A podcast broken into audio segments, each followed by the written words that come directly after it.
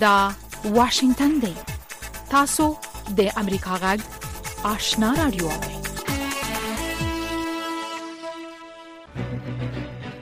قدرمن اوریدونکو السلام علیکم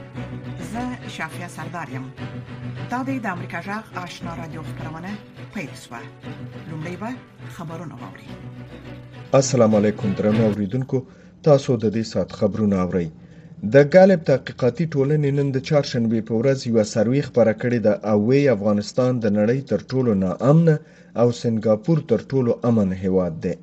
دغه ټولنې د 2021 میلادي کال په سروي کې موندلي چې د نورې نړۍ په پرتله افغانان د شپې لخوا د یوازې ګرځېدلو په وخت ځانونه لږ خوندي ګڼي سنګاپور په سروې کې د نورو هیوادونو په توپیر تر ټولو زیات یعنی شپږ نوي امتیازه او افغانستان تر ټولو ټیټ یعنی یو پنځوس امتیازه ترلاسه کړي دي. په دغو دواړو هیوادونو کې دا سروې په دوه زره شل میلادي کال کې د کرونا ویروس له امله ونه شوه. د سنګاپور وروسته ترکمنستان چین، آیسلنډ او کویټ په ترتیب سره د دویم نه تر پنځم ځایونه خپل کړي دي. د ګالب تحقیقاتي مرکز په واشنګټن کې دی او په 2021 میلادي کال کې یې د نړۍ په څه باندې یو سلو شلو هیوادونو کې د یو سلو اووه ویشت زره لویانو سره د مرکو په اساس د هغوی په ټولنو او هیوادونو کې د امنیت او قانون د حاکمیت په اړه خبرې کړي او دا سروې یې برابره کړې ده. د افغانستان لپاره د اروپایي اتحادیې استازی وی اکثریت هیوادونه په دې باور دي چې په افغانستان کې یو ټول شموله حکومت نه دی جوړ شوی استازي توماس نیکلسن د سې شنبې په ورځ د اروپایي اتحادیې د خارجي سیاست کمیټې ته وویل سیمه او نړۍ په افغانستان کې یو ائتلافي حکومت جوړېدل غواړي د نیکلسن په وینا افغانستان د یو سخت ژمي په درشل کې دی او ژمنه شوې بشري مرسته پنځوس سلنه کمه ده. نیکلسن وویل په دې پوهیږي چې د اروپایي اتحادیې ځینې غړي هیوادونه په دې غور کوي چې په کابل کې خپل حضوري فعالیت بیرته فعال کړي که نه. د خوړو نړیوال پروګرام یا ډبلیو ایف پي وایي د ښځو او نجونو په ګډون په افغانستان کې د زیاتو افغانانو لپاره ژوند د کړاوونو ډک دی. د دې خبر نور تفصیل په راپور کې اورئ. د خوړو نړیوال سازمان د چهارشنبې په ورځ د لړم په څلورمه پر خپل ټویټر پاڼې لیکلي چې د شتمنیو او معیشت جوړولو د پروګرام له لارې د څه باندې 10 میلیونه افغان میرمنو سره مرسته کړې ده د خوړو نړیوال پروګرام د معلوماتو پر اساس په دغه مرستو کې تر ډیره نقد پیسې شامل دي چې خځې کولای شي په خپل سیمو کې ځانونه ته واړه کاروبارونه پیل کړي د خوړو نړیوال پروګرام شمیرې ښیي چې دغه سازمان په روان میلادي کال کې په ټول افغانستان کې له څه باندې 21 میلیونه زیانمنو شوو کسانو سره چې د خوړو د نخوندیتوب سره مخ دي مرسته کړې دا په داسې حال کې ده چې د ملګرو ملتونو سازمان په افغانستان کې د خزو او جنونو د وضعیت په اړه اندېښنه څرګنده کړې ده او ویلي دي چې د افغان مېرمنو په وړاندې خطرونه مخ په زیاتېدو دي نو شاباشنا امریکا غک آشنا رادیو واشنگتن د طالبانو حکومت د بهرنیو چارو وزارت په افغانستان کې د بشري حقوقو وضعیت څېړلو په اړه د ملګرو ملتونو لخوا ګمارل شوو ادارو څخه غوښتنه کړې ده چې د دوی له همکارۍ څخه دې ناوړه استفاده نه کوي یاد وزارت د چهارشنبې په ورځ یعنې د عقرب په څلورمه په یوې اعلامیې کې ویلي چې د طالبانو حکومت یادو ادارو ته په افغانستان کې د بې پرې څېړنو په اړه اړینې اسانتیاوې برابرې کړې دي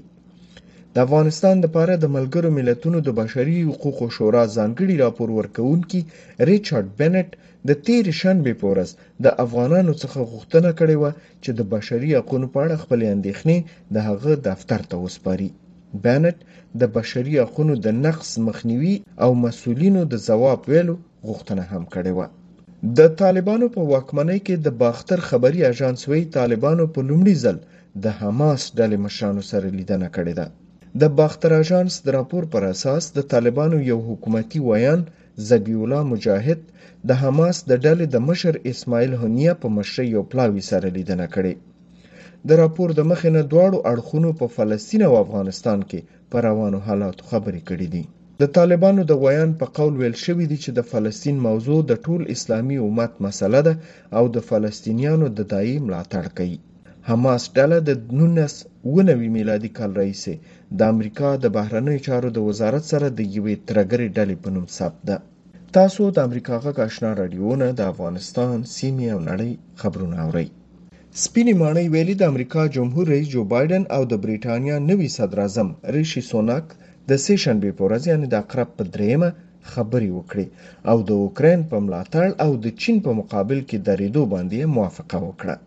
بایډن او سوناک څو ساعته وروسته له هغه خبرې وکړې چې د بریټانیا پخوانۍ صدراعظمې لیز تراس د خپل نهه څلوېښت ورځني کار وروسته استعفا ورکړه او هندي الاصله ریشي سوناک د هغه هېواد د صدراعظم په توګه وټاکل شو. ریشي سوناک په داسې وخت کې صدراعظم شوی دی چې بریټانیا د اقتصادي بحران سره مخ ده. سپینې ماڼۍ په اعلامیه کې لیکلي دي چې دواړو مشرانو د امریکا او بریټانیا ترمنځ په اوسنیو خاصو اړیکو ټینګار وکړو او ویې ویل چې د نړیوال امنیت او هوساینې لپاره به ګډ کار وکړي. صدراعظم سوناک نن چهارشنبه په پارلمان کې د اپوزیسیون په مقابل کې تر درېدو مخکې د خپلې نوې کابینې مجلس وکړو. صدراعظم سوناک د سې شنبې په ورځ رسمي کار پیل کړی او نوی حکومت یې تشکیل کو. لومړۍ ژمنه یې دا ده چې د بریټانیا د اقتصادي بحران مختلفې ستونزې به حل کړي. د پاکستان تحریک انصاف مشر عمران خان د اکټوبر په اته ویشت مه د اسلام اباد پر لوري د یو لوی اعتراضي لاریون کولو خبر ورکړی. عمران خان د اکټوبر په څلورمه د خپل ګوند د مشرانو لاریون کې د ګډون ژمنه اخیستې وه، خو نېټه یې نه وه اعلان کړې. په همغه ورځ د پاکستان د کورنیو چارو وزیر رانا ثناالله د پاکستان یو شخصي ټلویزیون جي او نیوز ته ویلي چې د تحریک انصاف د لاریون مخنیوي لپاره یې بشپړه ستراتیژي جوړه کړې ده او د مارچ یا لاریون ګډونوال به هېڅکله پرې نږدي چې اسلام آباد ته ننوځي. په پاکستان کې اقتصاد پوهانو امریکا غږ ته ویلي چې د عمران خان د لوی لاریون تر اعلان وروسته د پاکستان د ونډو په بازار کې د پاکستانۍ روپۍ ارزښت نور هم ټیټ شوی دی. د راپور د مخې نه د پاکستان د ونډو بازار نن د چهارشنبې په ورځ د شپږ سوه درجې نه زیات غورځېدلی او پاکستانۍ روپۍ د ډالر په مقابل کې نوره هم بې ارزښته شوې ده. نن یو امریکایي ډالر په بانکونو کې په 220 روپۍ او په آزاد بازار کې په 240 پاکستاني روپیو پلورل کېدو او نن په ایران کې د پولیسو په بند کې د یوې 22 کلنې نجلۍ د مړینې څلوېښت ورځې پوره شوې او په ایران کې ډیرو محصلینو یې په یاد شمې بلې کړې دي خبرونه مو د امریکا جغ آشنا رادیو څخه واوریدل د نوریدونکو زموږ په دې خبرونه کې د افغانستان سیمه او نړۍ د رپورټونو ترڅنګ لومړی دا رپورټ لرو چې توماس نیکلسن وایي چې افغانستان او په سیمه کې د اوږدې مودې ثبات لپاره په دغه هیواد کې یو ټول شموله حکومت د جوړېدو اړتیا لیدل کیږي د افغانستان لپاره د اروپאي ټولنې ځانګړي استاذ وویل چې د نورو گاونډیو هیوادونو په پرتله ایران او تاجکستان د دغه سي حکومت په جوړولو ډیر ټینګار کوي د سیاسي چارو افغان کارپوهان وایي چې د طالبانو مشرتابه لا ټول شموله حکومت جوړېدو ته چمتو نه دی نور تفصيل زموږ د خبريال اکرام شینواری پر رپورت کې ووري افغانستان لپاره د اروپای ټولنې ځانګړي استازي توماس نیکلسن د سې شنبې په ورځ د افغانستان په اړه د اروپای پارلمان غونډې ته په وینا کې د دغه هیواد د وضعیت د ارزونې پر مهال ویل چې یو ټول شموله حکومت دغه هیواد ته د ملاتړ د برابرولو لپاره د هیوادونو یو اساسي غوښتنه ده چې په بیلابیلو وختونو په اعلامیو او پریکړه لیکونو کې یادونه کړې ده Iran and Tajikistan are probably the most outspoken ښاغلي نیکلسن ویل د افغانستان په ګوړ کې د پرتو هیوادو له ډلې ممکن ایران او تاجکستان د قومي او مذهبي اهمیت له اړخه لکه تاجک هزاره او شیعګان دا مسله د نورو هیوادو پرتله زیاته راوچته کړې وي ښاغلي نیکلسن ویل چې د بشري حقوقو د وضعیت د ښه کېدو او افغانانو ترمنځ د ډیالوګ او هم شموله حکومت رامنځته کول د افغانستان او سیمې د اوږدې مودې ثبات لپاره ډېر مهم دي د اروپאי ټولنې ځانګړي استازي طالبانو حکومت د یو مشروع حکومت په توګه د رسمیت پیژندو په اړه ویل چې په دې برخه کې د افغانستان ګاونډیان متفاوت چلند څخه کار اخلي هند او تاجکستان ډیر محدود تعامل څخه کار اخلي په داسې حال کې چې ازبکستان او پاکستان بیا د دغه هیوادو په تله د طالبانو حکومت سره فعال تعامل لري افغانستان د لپاره د اروپאי ټولنې ځانګړي استازي د پاکستان سره د طالبانو د اړیکو په برخه کې ویل چې لکه تر لګه د تحریک طالبان پاکستان پاکستان او د پاکستان د حکومت ترمنځ پر روابطو کې طالبانو حکومت په خپلواک ډول دریز نیولې دي د سیاسي چارو افغان کارپوهان وایي چې د ټول شمول حکومت د جوړېدو په اړه د طالبانو د حکومت او د نړیوال ټولنې ترمنځ د نظر چور توپیر شته دي د سیاسي چارو یو افغان کارپو طارق پرهادي وایي چې د طالبانو مشرتابه لا یو ټول شمول حکومت جوړېدو ته چمتو نه دي طارق پرهادي وایي چې ټول شمول حکومت پر اس کې هم باید داسې شخصیتونه ځای ولري چې طالبانو د اسلامي امارت غړیتوب ونه لري آیا طالبان به این نتیجه می رسند که طالبان به حیث یک جنبش بانه خاغلی فرهادی ویل آیا طالبان دې پریکړې ته رسیږي چې طالبان د یو غورځنګ په توګه پاتې شي او د حکومتدارۍ په راس کې د رئیس الوزرا مرستیال په کچه یو داسې څوک وسی چې هغه طالبان غړیتوب ونه لري په دې صورت کې دا حکومت داسې ټول شموله کیږي چې طالبان او نور پکې برخه لري او په دې صورت کې کم کم داسې یو حالت په لور ځو چې د طالبانو غورځنګ د غورځنګ په توګه پاتې کیږي او یو داسې حکومت رامنځته کیږي چې نور هم پکې برخه ولري تر اوسه طالبان دې ته چمتو نه دي ممکن دا کار یو دولس میاشتې وخت واخلي ما وخت دیره د سیاسي چارو یو بل کارپوه محمد حسن حقیار وایي چې ټول شموله حکومت جوړېدل نه یوازې نړیوالې ټولنې غوښتنه ده بلکې افغانانو غوښتنه هم ده خو دی وایي چې په دې برخه کې د نړیوالې ټولنې د غوښتنې او د افغانانو د غوښتنې ترمنځ توپیر شته دی په افغانستان کې د پراخ بنسټه حکومت جوړښت دا منطقي او پر ځای غوښتنه ده. دا نه یوازې د نړۍ بلکې د افغانانو غوښتنه هم ده، خو په دې توپیر چې د نړۍ ځینې هېوادونه په پراخ بنسټه حکومت کې د داسې کسانو شتون غواړي چې هغوی په افغانستان کې ډېره ترخه او بدنامه ماضي لري او افغانان یې نه غواړي او عام افغانان په حکومت کې د تخصص، وړتیا، د رایتو کفایت او افغانستان ته د ژمنتیا د مخه نه د کسانو ټاکل غواړي او په دې کې ډېره ونډه هغه چا ته غواړي چې زده کړې کړې وي او د افغانستان په درد وخوري. خو د طالبان د حکومت یو شمېر لوړپوړو چارواکو په پرله پسې ډول ویلي چې حکومت یې ټول شموله دی او د پخواني رژیم د څلور سوو زرو څخه زیات مامورین چې د ټولو قومونو پورې تړاو لري په دې حکومت کې کار کوي طالبان چې د دوه زره یوویشت میلادي کال د اګست له پنځلسمې وروسته واک ته رسېدلي تر اوسه هېڅ کوم هېواد طالبانو حکومت په رسمیت نه دی پېژندلی نړیوالې ټولنې د حکومت د پیژندو لپاره د ټول شموله حکومت جوړیدل او د ښځو او نجونو د حقونو په ګډون بشري حقونو ته د طالبانو د حکومت درناوی د مخکینیو شرطونو په توګه یاد کړی دی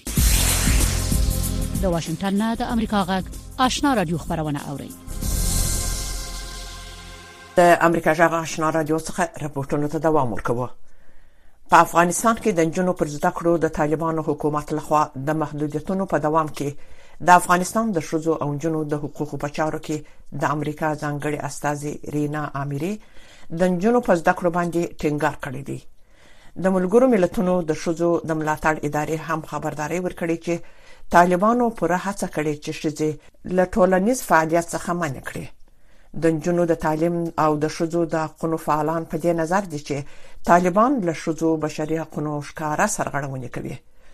خو طالبان وايي دوی شریعت تطبیقوي نور تفصيل پر پورت کې ووري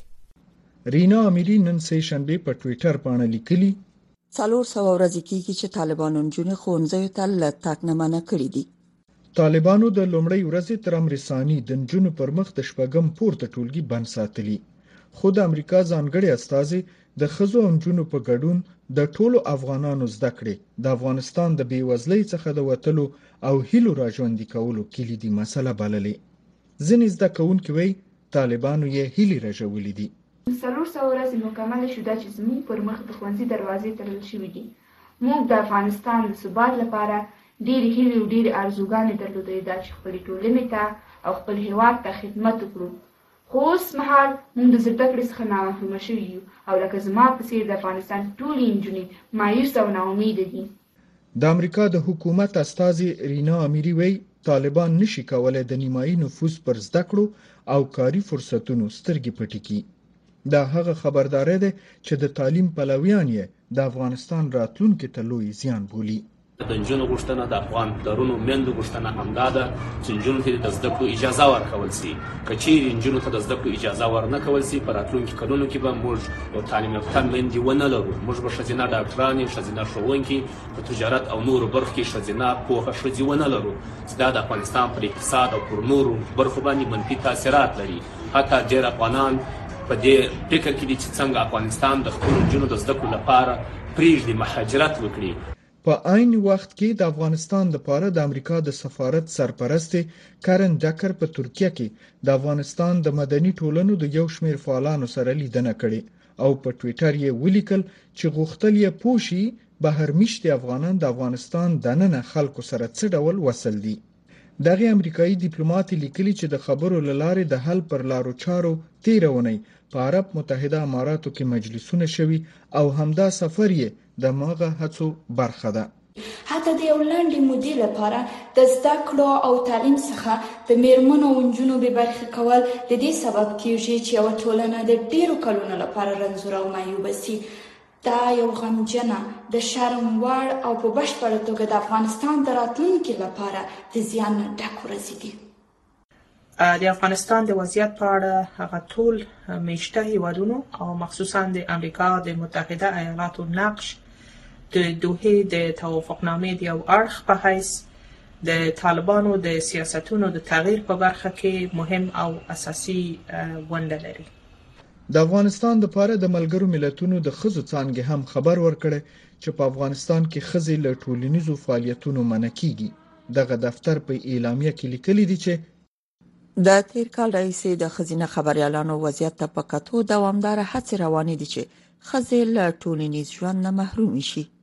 تر دې مخکې د افغان ښځو او نجونو د حقوقو په چارو کې د امریکا ځانګړې استاذي رینا امیری ویلیو که طالبان غواړي نړیوال مشروعیت ترلاسه کړي باید د نجونو او ښځو حقوق تامین او په پام کې ونیسي ټول د حقایقو د پیدا کولو په لټه کې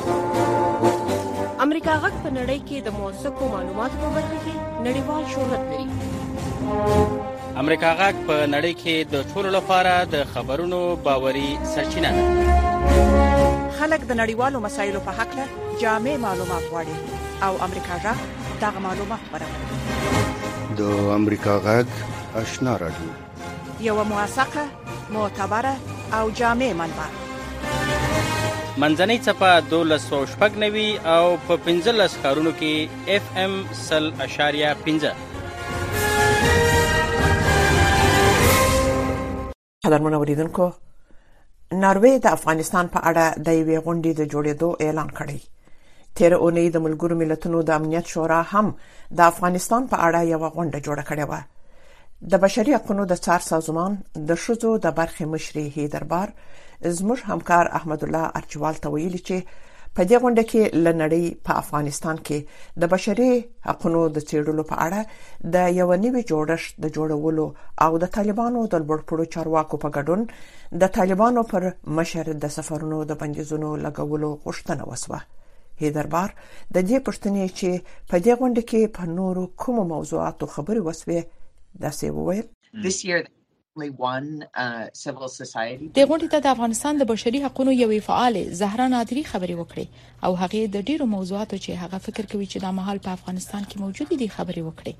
په افغانستان کې توکمیز تبعیض روان دی لدې عمله هغه څه چې په دغه غونډه کې ویل شول هغه دا و چې هیوادونه باید هغه څه چې طالبان یې کوي هغه ته ځیر شي طالبانو داسې یو سیستم چې د خزو سره پکې غیر انساني چلن کیږي جوړ کړی دی لدې عمله هیوادونه اړ دي چې طالبان منځوي کی د دوی د دغه ډول کړنو له امله دوی ته سزا ورکړي او د دوی سره د یو مشروع حکومت په څیر چلند ونه شي لدی امله دا یو داسې څه و چې زهرا نادری په اړه خبرې وکړي هغه ټینګار وکړ چې د ملګرو ملتونو د امنیت شورا باید یقیني کړي چې په طالبانو د سفر کولو بندیزونه او په دوی نور بندیزونه چې په دوی اوس موجود دي پر روانو میاشتو کې لري نشي او نور طالبان هم دغه لیست ور اضافه شي زهرا نادري همدارنګه د بندیزونو په لس کې د طالبانو د مشر ملا هبت الله اخونزاده د ورزیاتولو غوښتنه وکړه نوموړي په افغانستان کې د بشر حقوقو د یو نوي میکانیزم چې د بشر د حقوقو په اړه شواهد راټول کړي او د جرمي محاکمو چې پکې د تر سره شوی جرمونو د حساب کتاب په مخه شواهد راټول کړي د جوړولو غوښتنه هم وکړه نړیواله ټولنه او افغانان په افغانستان کې د بشر د حقونو څخه د سرغړونې په اړه شکایت کوي، خو د یوناما نوې مشرې څو ورځې مخکې د طالبانو د باندنیو چارو له وزیر او نورو چارواکو سره په یوه غونډه کې په افغانستان کې د بشر د حقونو په اړه هیڅ هم ونه ویل. فکر کوئ ملګري ملتونه په دې اړه نور بې پروا دي؟ تاسې پوهیږئ چې دا یو داسې ستونزه ده چې موږ په داخلي اعلامیه کې او د سفیرانو سره په غونډو کې راپورته کړه موږ ویل چې په افغانستان کې یو نامه او د دې ادارې نوې مشره اړه ده چې په افغانستان کې د بشر د حقوقو په اړه خبري وکړي زما له نظره یو ننګونه دا ده چې یو نامه ډېری مختلفې دندې لري او د دوی یو دنده د بشر د حقوقو څارل او په اړه یې خبري کول دي د یوناما د ماموریت بله برخه طالبان ښکیلول او د هغوی سره په سیاسي ډګر کې کار کول دي د یوناما دریم مسولیت دا دی چې افغانستان ته د بشري مرستو بهیر یقیني کړي لدې عمله دا درې دندې په اسانۍ سره د یو بل سره سر نه خوري همدا دلیل دی چې موږ وایو چې یوناما باید د بشر د حقوقو په اړه لا زیات کار وکړي خو موږ په افغانستان کې د بشر د حقوقو د څار لپاره د یو ځانګړي میکانیزم جوړول غواړو داسې میکانیزم چې په دې اړه معلومات راټول کو جوړولو ته یې اړتیا لرو داسې یو مرجع چې خلک ورته د بشر د حقوقو د سرغړونو انزورونه او ویډیوګانې ورولېږي او دوی ورڅخه داسې معلومات چې دغه تیری چیرته کیږي او څوک یې کوي هم معلوم کړي دا نوې جوړښت چې موږ یې د جوړېدو وړاندیز کوو دا به د دې معلوماتو کروالی د دغو تېروتنو د ترسره کوونکو او د هغه ځای چې دغه تېروتنې په کې رامنځته شوې وي او همدارنګه د هغه چا چې دغه کارونه یې ترسره کړي وي د هغوی په اړه معلومات راټولوي او دوی به مسؤل ګرځوي. د ملګرو ملتونو د امنیت شورا له غونډې وروسته د افغانستان د ښځو د دوستانو په نوم د وویشت هېوادونو یو ګروپ د افغانستان د ښځو په ملاتړ یوه اعلامیه نشر کړه خو په دې ګروپ کې د افغانستان هیڅ یو ګاونډي پاکستان او ایران په ځانګړي توګه نه وو، د دې لامل څه دی؟ زه فکر کوم چې د افغانستان ګاونډي هیوادونه بل ډول نظریات لري یقینا پاکستان له اولې ورځې غواړي چې طالبان باید په رسمیت وپیژندل شي په سیمه کې نور داسې هیوادونه هم شته چې هغوی له دغه نظر سره موافق نه دي خو دوی په طالبانو د نیوکو لامل عصباني کیږي دوی داسې فکر کوي چې دوی د طالبانو سره تعامل کولو ته اړ دي نو لدی عمله زه فکر کوم چې عموما دا خبره چې د بشر له حقوقو او د خځو له حقوقو څخه د سیمې د هوادونو ملاتړ نه کول خواشینون کې دي خو متاسفانه دا د هریانتیا وړ خبره نه ده خو دغه ګروپ چې اعلامیه خبره کړې ده د هغوی اعلامیه ډیره خوه زهرا هغوی ته هم خبرې وکړې او د بیلا بیلو هیوادونو د سفیرانو سره یې هم د افغانستان د ښځو په وضعیت غونډې درلودې. د افغانستان ګاونډیانو پاکستان او ایران د افغانانو پر وړاندې خپلې پولې تړلي، دا د بشر پر حقونو یو تیری دی، په دې اړه نړیواله ټولنه ولې څه نه وايي؟ موږ دا موضوع هم وخت په وخت په دې غونډو کې راپورته کوو موږ ټینګار کوو چې د افغانانو تخلیه او بیا میشت کېدل باید دوام وکړي څوک باید خپل پولي ونه تړي ځکه هغه خلک چې غواړي افغانستان پریږدي هغوی اوسم شته دا هغه بل پیغام دی چې موږ یې نړۍ ته ورکو موږ له هیوادونو غواړو چې خپل پولي پرانیستي وساتي د 1915 کال د ملګرو ملتونو کنونسیون حکم کوي چې هر هغه څوک چې د شکنجې لاندې وي هغه د هیواد د پریخودو او د پناه غوښتنې حق لري او د دې لپاره د خلکو کومه شمیره نه ده ټاکل شوې د کنوانسیون کې ویل شوی دی چې هر هغه څوک چې له دغه ډول حالت سره مخ وي هغوی دغه حقونه لري د امریکا جغ آشنا رادیو څخه راپورټونه ته دوام ورکوه د برتانیې د مالیې وزیر ریشي سوناک د دوشنبه په ورځ د محافظه کار ګوند ملاتړ ترلاسه کړ او د برتانیې د پخواني لومړي وزیر لیزا تراس له استعفا وروسته د نوي لومړي وزیر په توګه وټاکل شو اغلی تراس د صدارت په منصب باندې له دوه میاشتو کمه موده تیر کړه شاغلی سوناک نن د برتانیې د پاچا سره د حکومت د جوړولو په خاطر ګوري په دې رپورت کې د تکتنه وسوي د چې په برتانیې کې لکلونو راهیسي سیاسي ګډوډي د دغه هیواد پر نړیوال تصویر څومره غیزه کړې ده نور حال پر رپورت کې ووري د وو ونه په موده کې د برېټانیې دریم لمړی وزیر بریتانیا یو عظیم هیواد دی، خو له شک پرته موږ له یوې لویې اقتصادي ننګونې سره مخامخ یو. موږ ټیکاو او یووالي ته اړتیا لرو. شنونکي وايي، ښاغلی سوناک یو لوی لومړیتوب لري. چې د حکومت د پیسو د مصرف او قرضې اخیستلو ترمنځ انډول رامنځته کړي او نړیوال مارکیټونو ته ډاډ ورکړي چې بریتانیا له سیاسي ثبات څخه برخمنه ده. سوناک د پخواني لومړي وزیر بوریس جانسن په دوره کې د مالیې وزیر و. بوریس جانسن د یکشنبې په ورځ د صدارت لپاره د بیا ځلې ټاکل کېدو له سیالۍ لاس په سر شو. لیز تراس د سپټمبر په میاشت کې د صدارت د سیالۍ په ګټلو سره د بوریس جانسن پر ځای لومړۍ وزیره وټاکل شوه، خو تېره اونۍ یې وروسته له هغې استعفا ورکړه چې د مالیاتو د قطع کولو لپاره جوړو شویو پلانونو یې د حکومت د پور اخیستنې بیې لوړې کړلې. ریشي سوناک چې په تېرو سیالیو کې د اغلې تراس په وړاندې میدان بایللی و، د دوشنبې په ورځ یې د ډېرو محافظه کارو وکیلانو ملاتړ ترلاسه کړ او لومړی وزیر وټاکل شو. دا واقعاً یوه بې نظمي ده او په نړیوال سټېج باندې د بریتانیې په ارزښتونو باندې د ریشخند وهلو په شان ښکاري. ډېر شمېر بریټانویان وايي، دوی ثبات غواړي.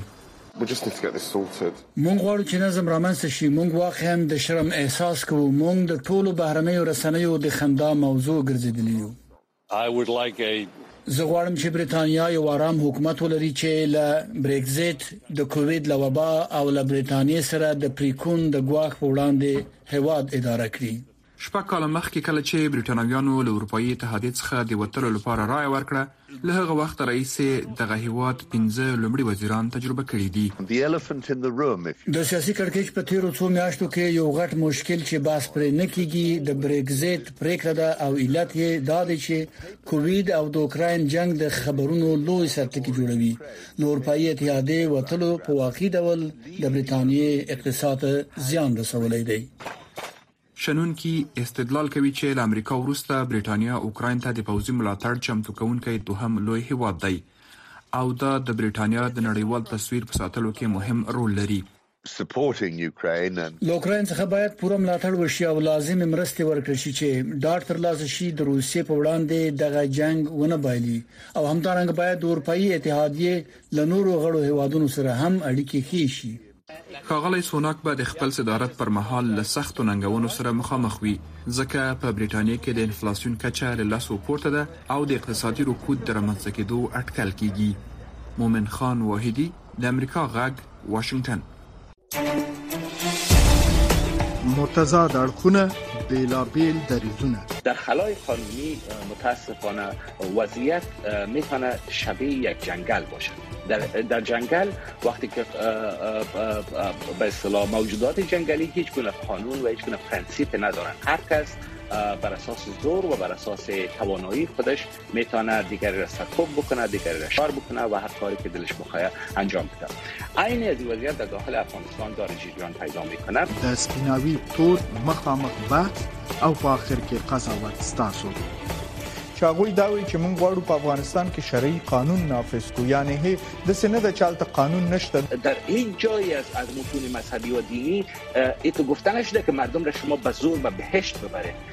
هایل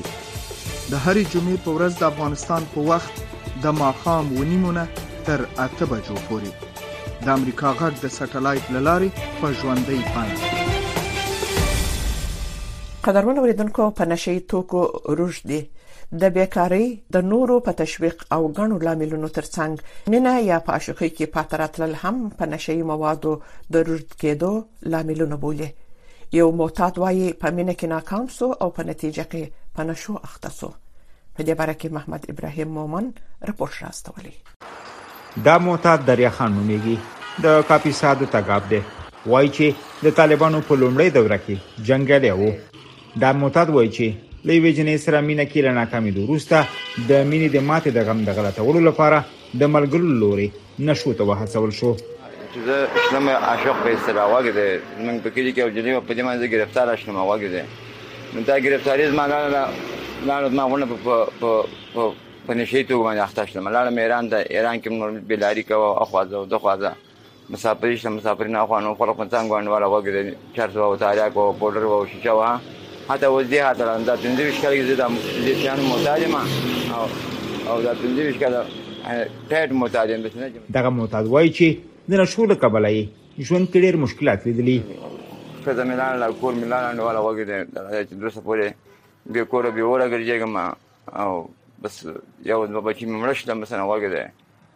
او که زما خپل بلا لاړه لاړه بس طلاق نه واو ته وګی دی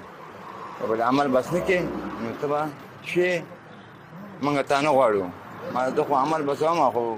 کړي یو کال پنځه کال لاس کال صبر وکړو پنځه لاس کال صبر وکړو هاته شرک لو به صبر وکړو بل شرک لو نو کړی نه ته درو وای مونږ ته ټول ستا خبرې رښتیا هم درو دي درو دي خو درو خو دي درو دي وګی دی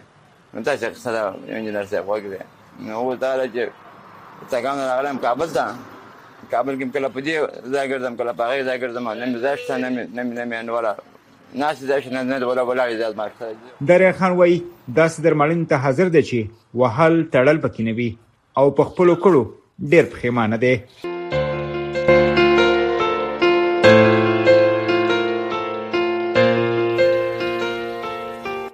اوریدونکو زموږ د خبرونه په همدې ځای پای ته ورسیده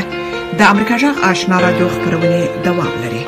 ستاسو ټول څه مننه چې زموږ خبرونه اوري